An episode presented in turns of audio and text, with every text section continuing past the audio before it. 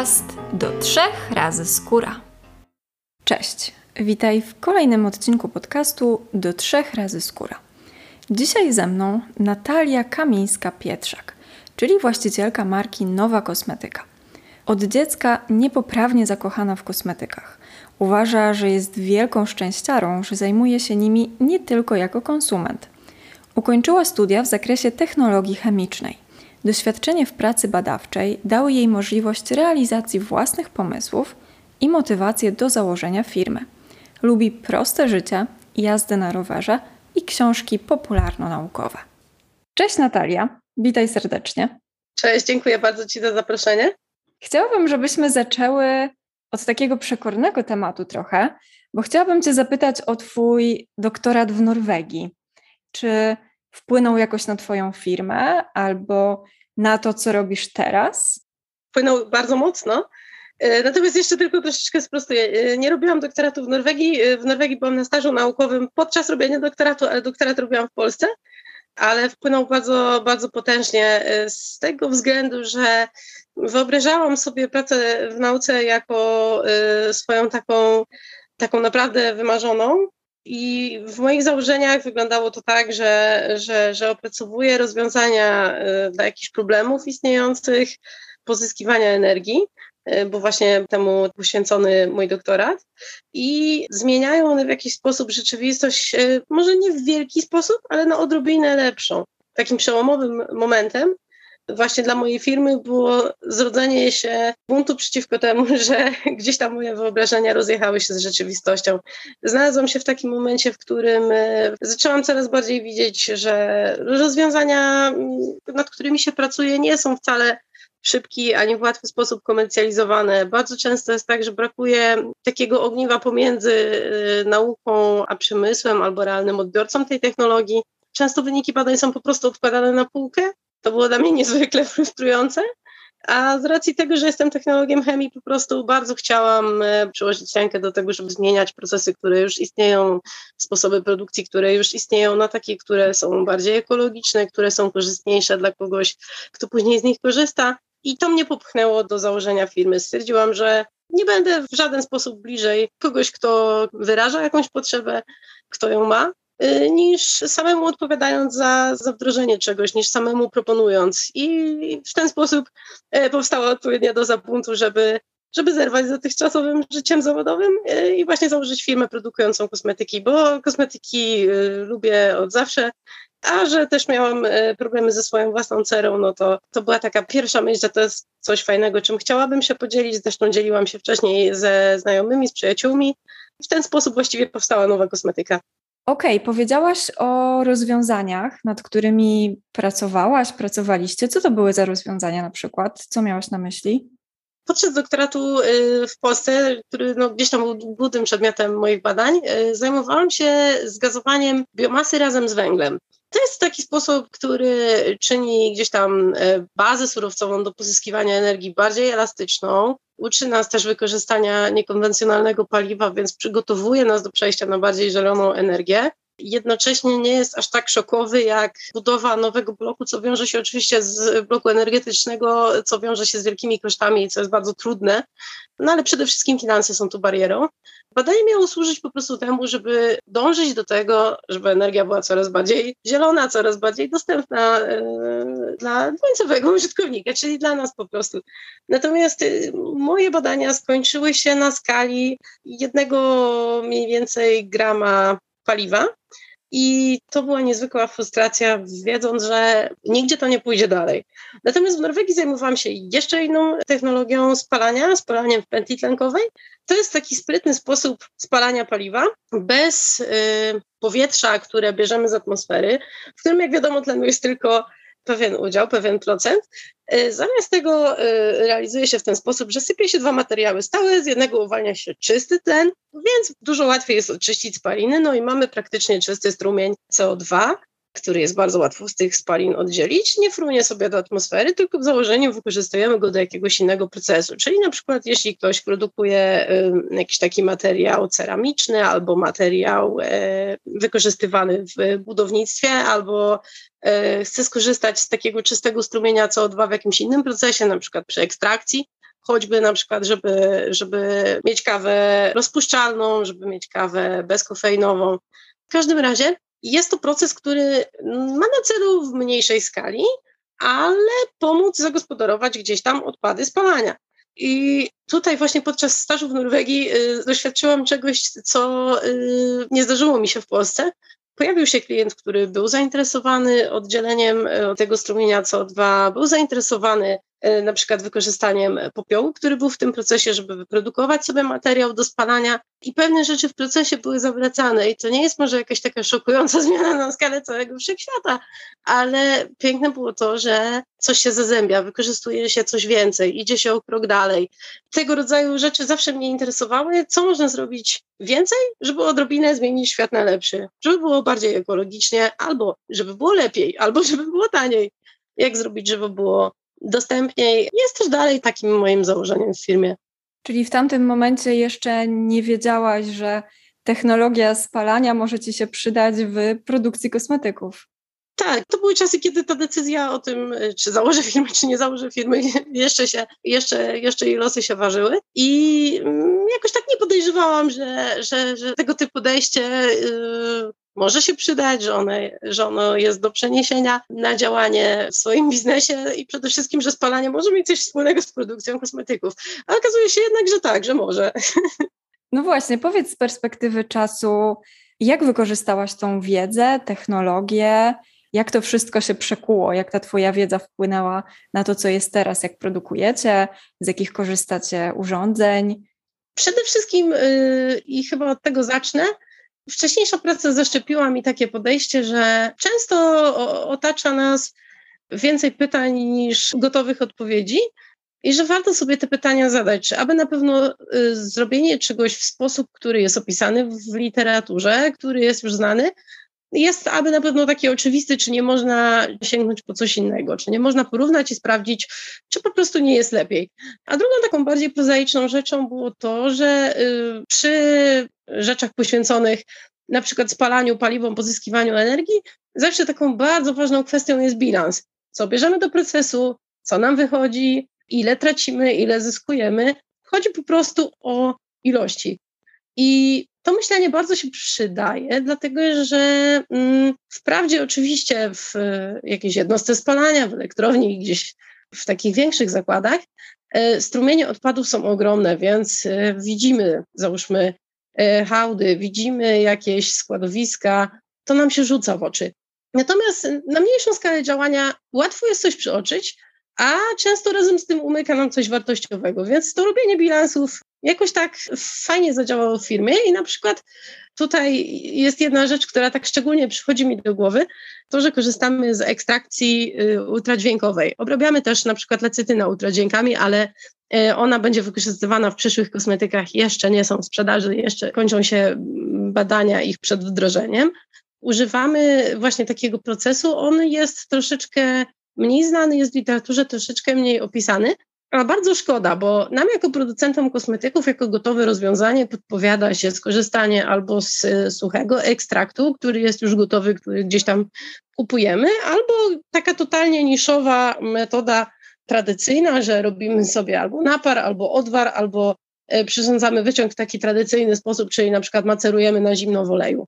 A myśmy na przykład zaczęli wykorzystywać ultradźwięki i bardzo spodobało mi się to, że żeby na przykład zagrzać 10 litrów wody, muszę skorzystać z urządzenia, które ma moc 1500 watów i jest włączone przez godzinę. A żeby zrobić ekstrakt ultradźwiękami z bardzo podobnym efektem, nawet nieco lepszym, wystarczy, że włączę to urządzenie na 5 minut. E, mam bardzo bogaty ekstrakt, który widać to zarówno w kolorze, jak i w jego składzie. Urządzenie zjada 500 watów, czyli jedną trzecią do, w stosunku do poprzednika. I co najciekawsze, oszczędza bardzo wiele wartościowych związków, dlatego że y, nie powoduje wystąpienia tak bardzo wysokiej temperatury. I fantastyczne jest to, że mamy różne rzeczy do wyboru i że też mamy pole do działania, jeśli chodzi o takie alternatywne metody.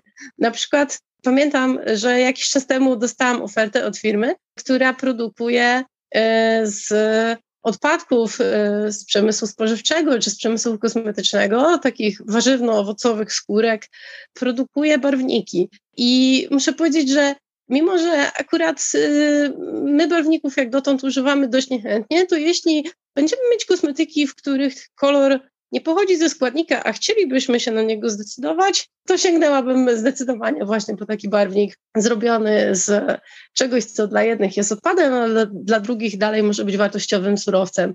Takie podejście właśnie y, z myśleniem o tym, co zrobić, żeby żeby uciążliwy odpad zamienił się w fajny surowiec albo w coś, co pomoże w produkcji, albo to myślenie o tym, jak, jak oszczędzić energię, przynosi bardzo, bardzo wiele dobrych skutków. Chociaż, jak mówię, to, to nie tak, że tylko, tylko to nas kształtuje, dlatego że czasami tak proste rzeczy, jak na przykład, e, nawet to jest zabawne, dwa dni temu miałyśmy taką, miałyśmy na produkcji taką sytuację, że e, kończył nam się olejek, którego używamy do wcierki.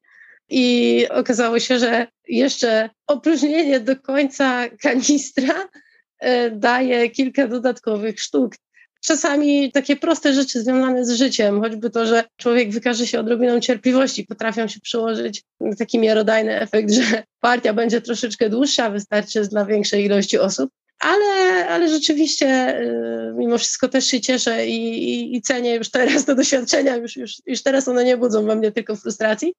Wcześniejsza praca y, dała mi też takie dobre podłoże do poszukania jakiegoś jednak nowego rozwiązania y, dla opracowania, może jednak receptury, która nie zgadza się tak totalnie z wszystkimi szkolnymi podręcznikami, jak należy robić kremy, ale może wykazać się z racji tego, że jest inna, korzystniejszym działaniem dla skóry. Ta chęć eksperymentowania i wyrzucenia czegoś i zrobienia czegoś po swojemu, poszukania, to jest fajna opcja i w firmie, i w życiu, i cieszę się z tych doświadczeń. Tak. Super jest ta kreatywność, bo udaje Ci się połączyć korzyści z tej strony kosmetycznej, tak jak mówiłaś o ekstraktach, ale też i środowiskowej, bo oszczędzasz przy tym wodę i energię, i między tym wszystkim jest taki bardzo fajny balans. I zastanawiam się, czy masz jakieś zasady w produkcji kosmetyków albo w swoim laboratorium, że na przykład kluczowe jest dla ciebie oszczędzanie wody albo oszczędzanie energii, albo w ogóle masz jakąś inną zasadę. Jest coś takiego, że masz taki swój dekalog produkcji?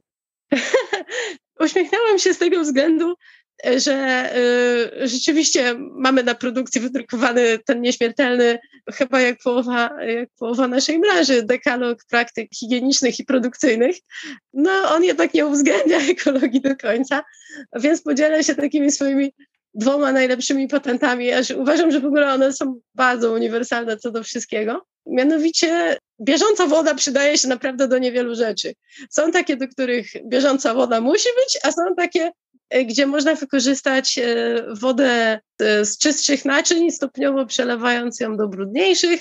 Dopiero na etapie, na którym wszystkie mają być ekstra czyste, użyć tej bieżącej.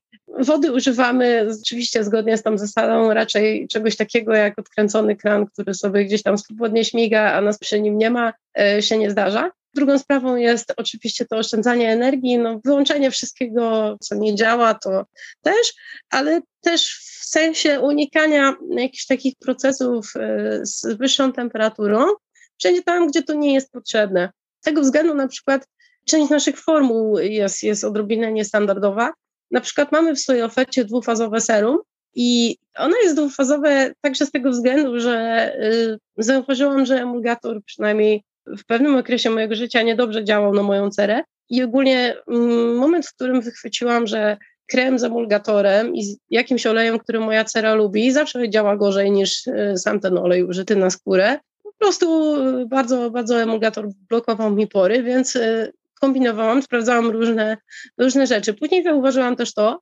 że mm, pozbywając się emulgatora, pozbywamy się procesu ogrzewania y, jakiegoś surowca, co daje nam z kolei możliwość sięgnięcia po bardzo bogaty w witaminy, bogaty w fitosterole olej nierafinowany. W momencie ogrzewania y, te właściwości byśmy stracili, więc y, z kilku względów Nasza formuła stała się może bardziej niestandardowa, nasza produkcja też się stała bardziej niestandardowa, bo nie było ogrzewania emulgacji i nie było kremowego serum, tylko powstało dwufazowe.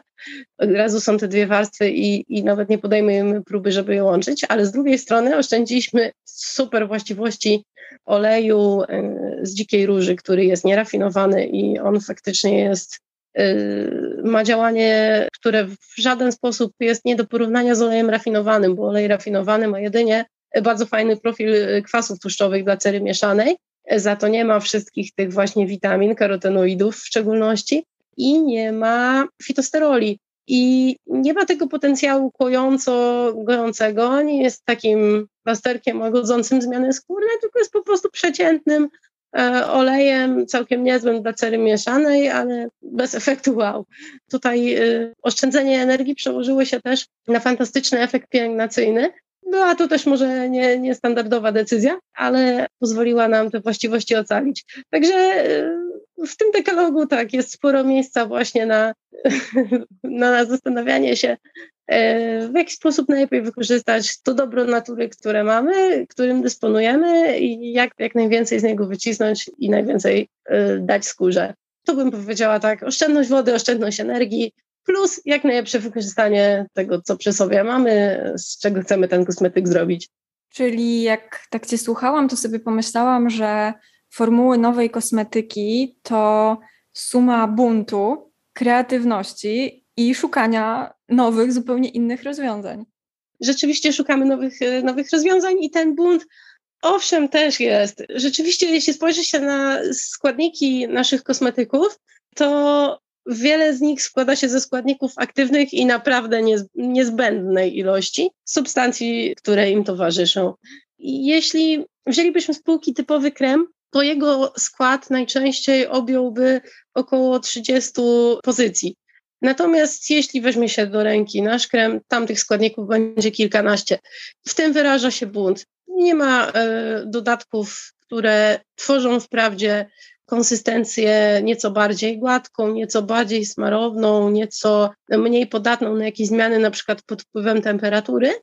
Nie używamy, załóżmy, akrylanowych jakichś podłoży, nie używamy na przykład stearynianu, magnezu, żeby poprawić gdzieś tam konsystencję jeśli uważamy, że nie przyniesie to dodatkowo korzyści dla skóry. Więc jeśli decydujemy się nawet na formułę kremu i go emulgujemy, to staramy się zrobić to w ten sposób, żeby oczywiście krem był używalny, ale żeby nie był przesadzony, żeby ten skład był relatywnie krótki, żeby osoby, które niekoniecznie mają ochotę bardzo daleko zgłębiać chemię kosmetyczną, dalej mogły się w tym składzie odnaleźć, dalej mogły wyczuć, w jaki sposób dany składnik działa na ich cerę, czy szkodzi, czy jest neutralny, czy pomaga. To jest zdecydowanie łatwiejsze, jeśli skład kosmetyku jest krótki. Dlatego y, trochę tego buntu u nas jest. Na przykład próżno u nas szukać y, kosmetyków, w których składzie na przykład jest naraz y, 10 ekstraktów z ziół. Ja wiem, że one czasami potrafią się pięknie uzupełniać,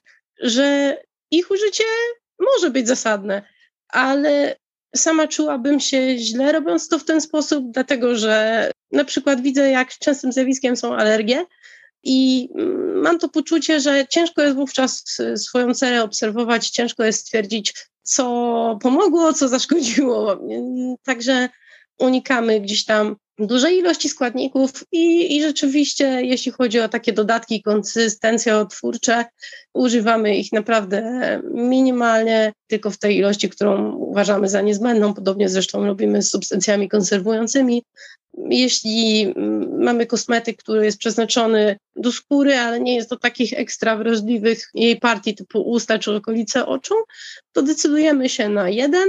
Y, używamy go w takiej ilości minimalnej, żeby osiągnąć w testach później e, właściwy stan konserwacji. Natomiast jeśli mamy na przykład okolice oczu czy błon śluzowych, to staramy się wyjść z tego podejścia, że jest konserwant łagodny, żeby osiągnąć większość gdzieś tam spektrum działania, żeby przeciwdziałać rozwojowi bakterii. E, natomiast, żeby już osiągnąć działanie przeciwko grzybom, dajemy minimum drugiego, troszeczkę silniejszego, tak żeby ich łączna zawartość była już zupełnie jak najniższa y, i żeby one miały szansę być przez skórę jak najlepiej przyjęte, żeby po prostu dać szansę naszemu klientowi ocenić działanie składników aktywnych, a nie bardzo, bardzo wielu dodatków, które się w kosmetyku znalazły. Właśnie chciałam Cię zapytać, dlaczego tak ważne są dla Ciebie proste składy i super mi na to odpowiedziałaś, zanim padło pytanie.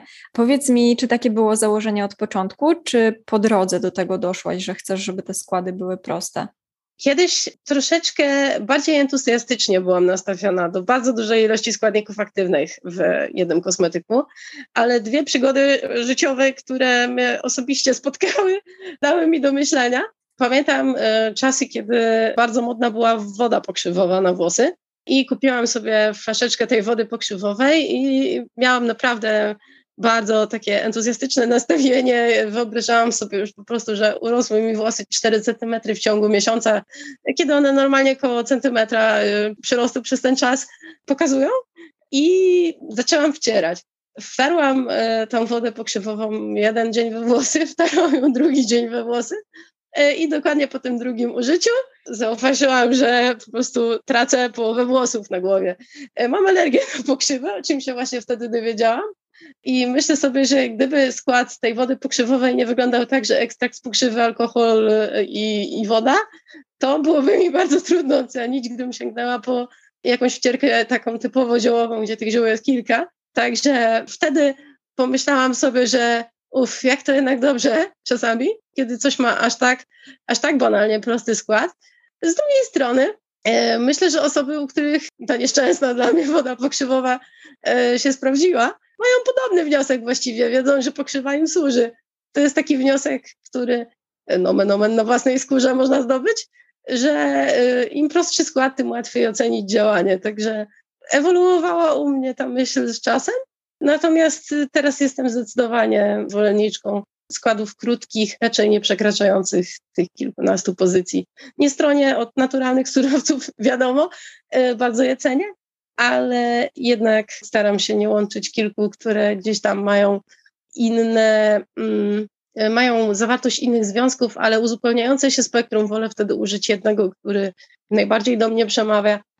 Myślę, że i bezpieczeństwo, i skuteczność, bo skuteczność nie zależy tylko od tego, że zadziałamy mocno, zależy też od tego, że zadziałamy celnie, Także wydaje mi się, że jest sens w tym prostym składzie, że, że, że znaczy to jest coś, w co wierzę, że y, najłatwiej jest takimi kosmetykami o prostych składach ułożyć sobie całą pielęgnację. Czy ta historia z wodą pokrzywową była może dla Ciebie później takim drogowskazem przy tworzeniu Twojej wcierki? Tak, zdecydowanie. Po użyciu wody pokrzywowej miałam przez dłuższy czas awersję do e, w ogóle kosmetyków gdzieś tam pobudzających wzrost włosów. E, na którym zawsze mi bardzo zależało. No i pamiętam, że podchody później były bardzo, bardzo skomplikowane. To, to drugie podejście w ogóle do wcierania czegokolwiek w skórę głowy było niesamowicie ostrożne, było już poprzedzone naprawdę bardzo długą lekturą wszystkiego, co dało się znaleźć w internecie. Właśnie y, pierwszym takim pomysłem, co, co wcierać w skórę głowy, jeśli człowiek boi się bardzo alergii, E, były witaminy z grupy B, czyli e, właśnie pantenol i biotyna. Później, jak widać, przełożyło się to częściowo na skład wcierki tej naszej, ale gdzieś tam stopniowo dodawałam coś jeszcze innego, ale pamiętam, że po tej dłuższej przerwie właśnie zaczęłam od pantenolu, to był chyba mój pierwszy kupiony taki półprodukt inny niż jakiś olej i y, byłam zachwycona po prostu, że wow, rzeczywiście, rzeczywiście coś się dzieje na plus na tej skórze głowy i że nie ma alergii, nie ma utraty połowy włosów, jest dobrze, idźmy w tym kierunku. Także troszeczkę tak, troszeczkę się przełożyło, troszeczkę znalazło odzwierciedlenie właśnie w obecnym składzie też tego serum do skóry głowy. Chciałabym wrócić do tego tematu, bo powiedziałaś, że była miłość do kosmetyków i zanim właśnie pojawiła się Twoja marka, była to ogromna fascynacja kosmetykami. I ja nie jestem pewna, czy dobrze pamiętam, ile lat temu zaczęło się to wszystko w Twojej głowie. Więc gdybyś mogła mi przypomnieć, kiedy był taki pierwszy moment, że zaczęłaś coś działać, jeszcze nie jako nowa kosmetyka, ale po prostu jako Ty coś dla siebie. E, on był dużo wcześniej przed powstaniem nowej kosmetyki. To było gdzieś tak 12 lat temu. Troszeczkę może nawet więcej niż mniej, tak. E, jednak około 13-14, jak sobie bardziej pomyślę. E, to było takie pielęgnowanie cery na własną rękę. W Polsce wtedy działał chyba tylko jeden sklep z, z półproduktami. Ewentualnie pewne rzeczy jeszcze można było kupić w aptece. Poza tym pozostawały dosyć obfite źródła y, takie tradycyjne, czyli jakieś właśnie poradniki żelarskie, y, jakieś różne farmakognozje, fitoterapie, też internet, aczkolwiek więcej, więcej wtedy można było poczytać o pielęgnacji cel na własną rękę zdecydowanie w języku angielskim niż polskim. Y, jeśli ktoś robił wówczas kosmetyki w domu, to najczęściej to było mydło. To pamiętam, że wtedy było takie też fajne, też wtedy zaczynałam robić mydło w domu, chociaż mydło akurat takiego w kostkach nie robię jako nowa kosmetyka. Później przerzuciłam się na potasowe płyny i tak już mi zostało. Ale, ale właśnie pamiętam e, to pierwsze mydło właśnie robione, robione do cery, żeby zrezygnować z żeli, które wówczas stały na półkach drogerii te kosmetyki drogeryjne przeznaczone do cery mieszanej, które wszystkie miały praktycznie w składzie alkohol. Jeśli już się znajdowało w nich coś naturalnego, co się zdarzało rzadko, to był to z drzewa herbacianego. Chociaż nie, teraz sobie myślę, że jeszcze czasami jakaś glinka trafiła się na tym bezrybiu. Jak patrzę na to z dzisiejszej perspektywy, to nawet nie wiem na dobrą sprawę, czy, czy miałam ciągle coś na twarzy, dlatego że to był, y, to był czy miałam ciągle coś na twarzy, dlatego że to była alergia, czy miałam wyprysk kontaktowy z podrażnienia. I to przy tych składach faktycznie można było mieć duże wątpliwości.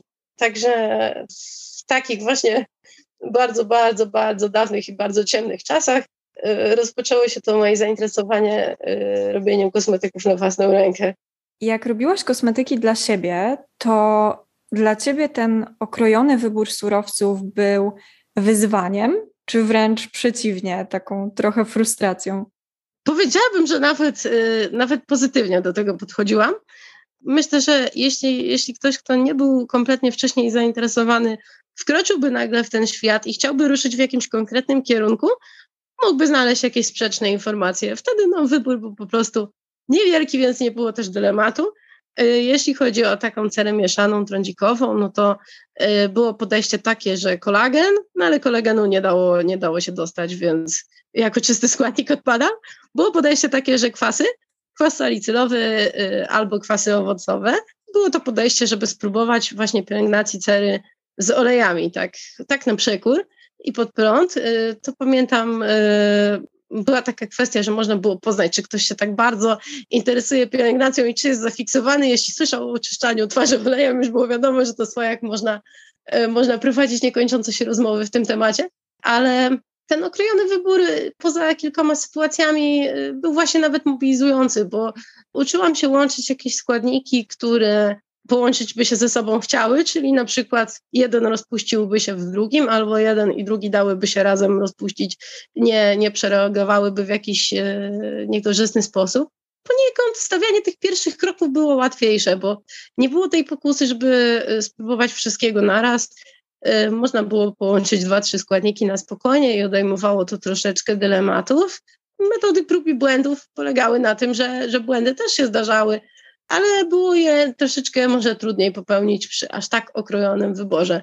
E, więc, e, więc nawet pozytywnie myślę o tamtych czasach, mimo że faktycznie niektóre składniki były super ciężko dostępne i na przykład swój ukochany olej z dzikiej róży, to jest nie do pomyślenia. Teraz można go kupić w internecie prawie wszędzie i, i stacjonarnie też jest super dostępny. To wówczas polowano na niego w TK Maxie i to był olej, który przyjechał do Polski z Australii, czyli przejechał pół świata no niespecjalnie to ekologiczne z perspektywy czasu myślę, ale ten olej tak rewelacyjnie się, się u mnie sprawdzał, że polowałam na niego, szukałam go, jak go nie było, to się zastanawiałam kiedy i gdzie zdobędę kolejną butelkę, także faktycznie tak było. Y, olejów pamiętam sporo poznałam i to był wielki szok i to był przełom w ogóle w kuchniach świata i, i stosowałam te oleje spożywcze i dzięki nim miałam szansę przetestować takie takie rzeczy, które są troszeczkę, troszeczkę mniej popularne, znaczy były wówczas troszeczkę mniej popularne, teraz popularny jest prawie każdy olej. Na przykład z olejem konopnym e, w ten sposób e, zaczęłam przygodę. Przetestowałam olej sezamowy, olej z maku. Sezamowego nie lubię bardzo, ale, ale jeśli chodzi o mak na przykład, to, to tak, to fajnie.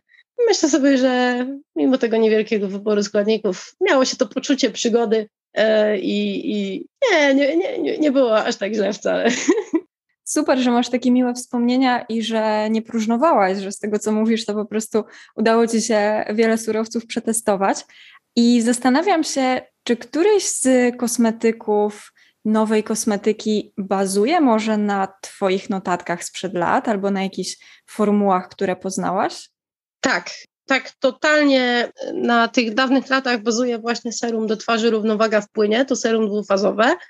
Ono ma w swojej fazie wodnej na przykład niacynamid, który właśnie w tym momencie y, zdobywał sporą popularność, pojawił się i był dostępny w Polsce, y, który fantastycznie działa, jeśli chodzi o cerę mieszaną. Jest też bardzo, bardzo korzystny przy przebarwieniach potrądzikowych, których na szczęście pozostało mi niewiele. I jest w nim też olej z róży. E, I te dwa składniki są e, echem gdzieś tam tego, co czytałam te sporo lat temu, co sama wprowadziłam jako pierwsze w pielęgnacji. E, zresztą serum równowaga w płynie to jest mój ulubiony tak osobiście kosmetyk, nie jako twórcy i zawsze mam butelkę w łazience. To jest coś, do czego wracam z podkulonym ogonem, jak spróbuję czegoś nowego i mi nie posłuży. Wiem, że zawsze mnie poratuje więc y, ono jest, jest gdzieś tam odbiciem mojego zainteresowania olejem z dzikiej róży, o którym się sporo nagadamy, więc już nie będę powtarzać, to jeszcze może do tego niacinamidu i mocznika.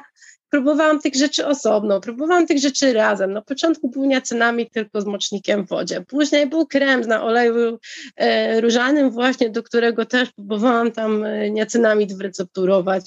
Ten krem przeszedł jakiś po prostu milion wcieleń z różnymi różnorakimi emulgatorami, aż w końcu stwierdziłam, że w tym kosmetyku podstawowym do twarzy ja tych emulgatorów w ogóle jednak nie chcę, że, że wolę tam wrzucić olej, który jest, jest nierafinowany i go nie podgrzewać.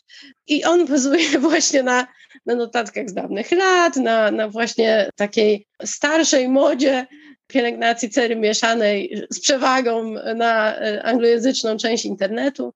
Jest takim odzwierciedleniem mojej drogi w pielęgnacji, w pielęgnacji skóry mieszanej właśnie z taką dużą tendencją do, do zapychania się i do trądziku. Poza tym jeszcze tonik, który właśnie poświęcony jest tym samym problemom e, i w którym e, z kolei jest kwas mekowy i, i są tam też właśnie kwasy owocowe występujące w naparze z hibiskusa. To też jest gdzieś tam właśnie taki e, efekt końcowy wielu prób, w których kwas mlekowy grał główną rolę, w którym też właśnie brakowało mi gdzieś ziół, po których też widziałam zawsze ten taki korzystny efekt jednak na cerę, e, że, że pory są takie ściągnięte, są takie mniej widoczne, mniej, mniej rzucają się w oczy, mniej człowieka rażą w lustrze. I jest, jest, jest takim miksem z jednej strony tej fascynacji kwasami, które rzeczywiście tak w okolicy roku 2010 to były czymś nowym i takim e, bardzo dynamicznie zdobywającym zainteresowanie i uznanie, a jakimiś takimi właśnie starszymi metodami opartymi o zioła, żeby, żeby tą twarz tonizować za pomocą, za pomocą ziół i, i uzyskać ten efekt sery z mniej widocznymi porami. Także myślę, że, że na przykład jeśli chodzi o te dwa kosmetyki, całkiem, e, całkiem tak właśnie opierają się na tych na tych gdzieś tam wcześniejszych właśnie notatkach, na tych rzeczach, które mnie fascynowały, które gdzieś tam wypatrzyłam i, i na forach internetowych, ale też na przykład pamiętam artykuł poświęcony olejowi z dzikiej róży, który znalazłam w ogóle w jakimś czasopiśmie medycznym e, na Science Direct. Także mm, jest, jest to odzwierciedlenie czytania różnych źródeł w tamtych czasach i, i prób i błędów właśnie, aż, aż doszedł kosmetyk do swojej ostatecznej wersji. Fajnie poznać takie produkty, kosmetyki z historią. I tak sobie myślę, czy czujesz, że to jest trochę niezwykłe, że te dwa produkty poniekąd powstały, co prawda na papierze, ale były, zanim powstała Twoja marka? Myślę, że, że tak. W ogóle powiem szczerze, ja jeśli chodzi o y, te kosmetyki nasze, nie mam do nich dystansu, mam do nich sentyment, tak. Co ciekawe, w ogóle jeden z naszych całkiem niedawnych wypustów to też jest taka, taka formuła bardzo, bardzo stara. E, jest to najprostszy krem na świecie i też on był naprawdę nie wiem ile razy gdzieś tam modyfikowany odrobinę. E, na ogół z niego coś odrzucałam, później to wyrzucałam, później znowu to wyrzucałam, ale, ale został bez jakichś tam właśnie wszystkich dodatków, został naprawdę najprostszym kremem na świecie. Także czuję, że to jest niezwykłe jak najbardziej i to już nie tylko jest e, część mojej pracy, to jest część po prostu mojego życia. Tak, widać, że to wszystko jest spójne. Już znam Twoje zasady, jeśli chodzi o produkcję kosmetyków, i chciałabym, żebyś na koniec powiedziała o zasadach, ale w pielęgnacji. Jakie masz, jakimi się kierujesz? Y, na pewno y, taką moją najbardziej przełomową kwestią było rozpoczęcie obserwacji skóry. Można stwierdzić oczywiście, że każdy swoją skórę widzi, spogląda w lustro albo spogląda na jakiś tam odcinek swojej skóry, to wie, co się na niej dzieje. Nie do końca to jest w ten sposób, y, dlatego że o, i tutaj świetnym, świetnym przykładem, którym się teraz właśnie włączył, jest obserwowanie reakcji alergicznej. I o jednej przygodzie już opowiedziałam, to zaraz jeszcze opowiem o drugiej. Ale właśnie mam taką zasadę, że staram się dać tej skórze chwilę, poobserwować ją i starać się zinterpretować to, co do mnie się stara powiedzieć. I tutaj właśnie jest taka przygoda, która będzie dobrym przykładem e, na to, że warto obserwować, żeby choćby po czasie wystąpienia czegoś na skórze móc stwierdzić, co to jest. E, to jest taka przygoda z kwasem salicylowym. E, ja jako trądzikowiec robiłam wiele serii peelingu na twarz z kwasem salicylowym. I jest taka zasada, że powinno się przed każdym, nawet jeśli się miało wcześniej do czynienia, spróbować jednak mimo wszystko z testem uczuleniowym.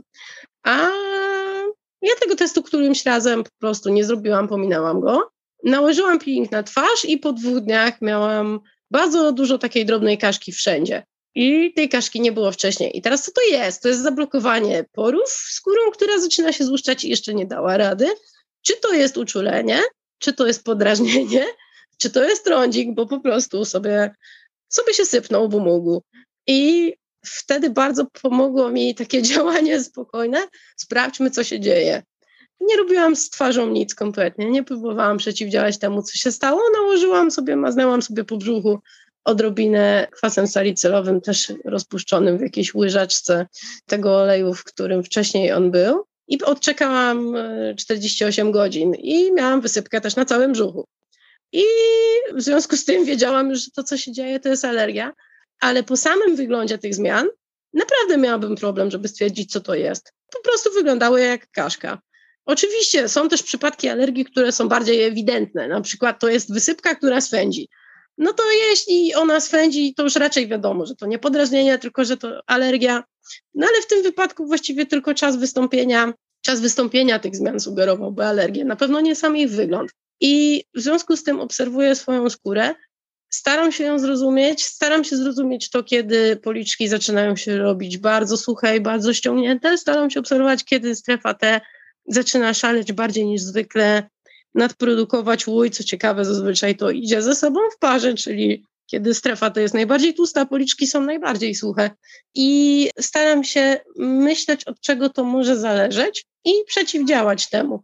I na przykład ta obserwacja cery doprowadziła mnie do wniosku, że nie potrzebuję bardzo gdzieś tam silnych środków na trądzik i że jestem w stanie żyć ze swoją cerą w zgodzie, jeśli chociażby odrobinę postaram się przeciwdziałać bardzo gęstemu sebum, które prawdopodobnie ma, oczywiście nie analizowałam go, ale prawdopodobnie ma skład dość mocno odbiegający od takiego, który zapewniłby najlepsze nawilżenie i taką równomierną gdzieś tam, równomierne zabezpieczenie cery, Zauważyłam, że właśnie oleje, które mają bardzo niewiele nasyconych kwasów tłuszczowych, takie, które są właśnie ekstremalnie lekkie, ekstremalnie niekomedogenne, są w stanie przeciwdziałać mojemu problemowi z trądzikiem bardzo, bardzo efektywnie i rozprowadzenie ich po twarzy z masażem działa w ten sposób, że cała cera jest zadowolona, naturalny sebum rozrzedza się, rozprowadza się razem z olejem i że pielęgnacja, mimo że bogata w olej, wcale porów nie blokuje i wcale nie przeszkadza mi gdzieś tam w funkcjonowaniu.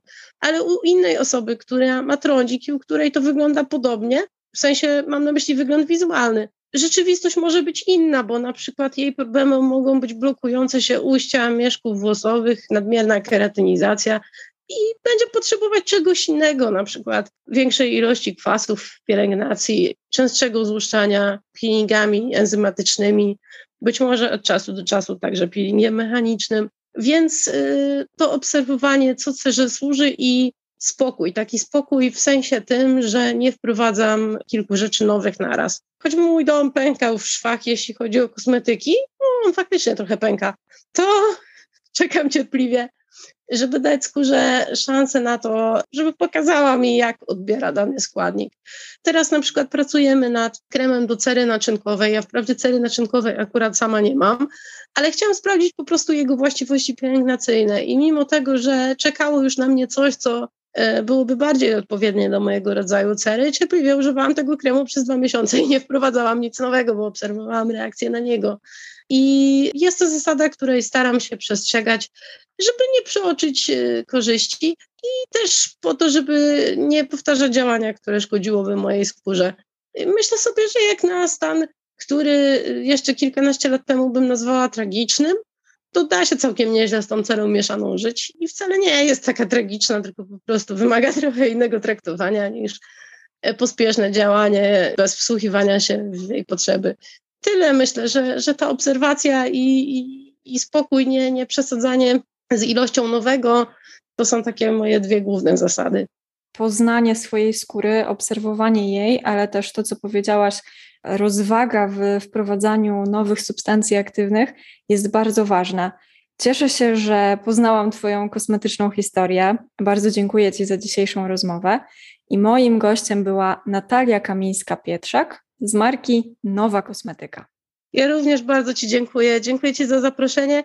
Y, dziękuję Ci też za wspaniałe pytania. Y, one dla mnie też były bardzo takie, z jednej strony wywołujące sentyment, takie w pewien sposób wzruszające, a z drugiej strony też mnie skłoniły gdzieś tam do y, takich krytycznych przemyśleń, co w zasadzie mi przyświeca, co jest najważniejsze i to jest fajne tak zrewidować, znowu przyświetlić swoje własne cele, także ja też Ci dziękuję, bo e, też e, wbrew pozorom nie tylko powiedziałam innym o naszej marce, ale też się sama czegoś więcej o niej dowiedziałam. Super, bardzo miło mi to słyszeć. Dziękuję Ci jeszcze raz. Dzięki.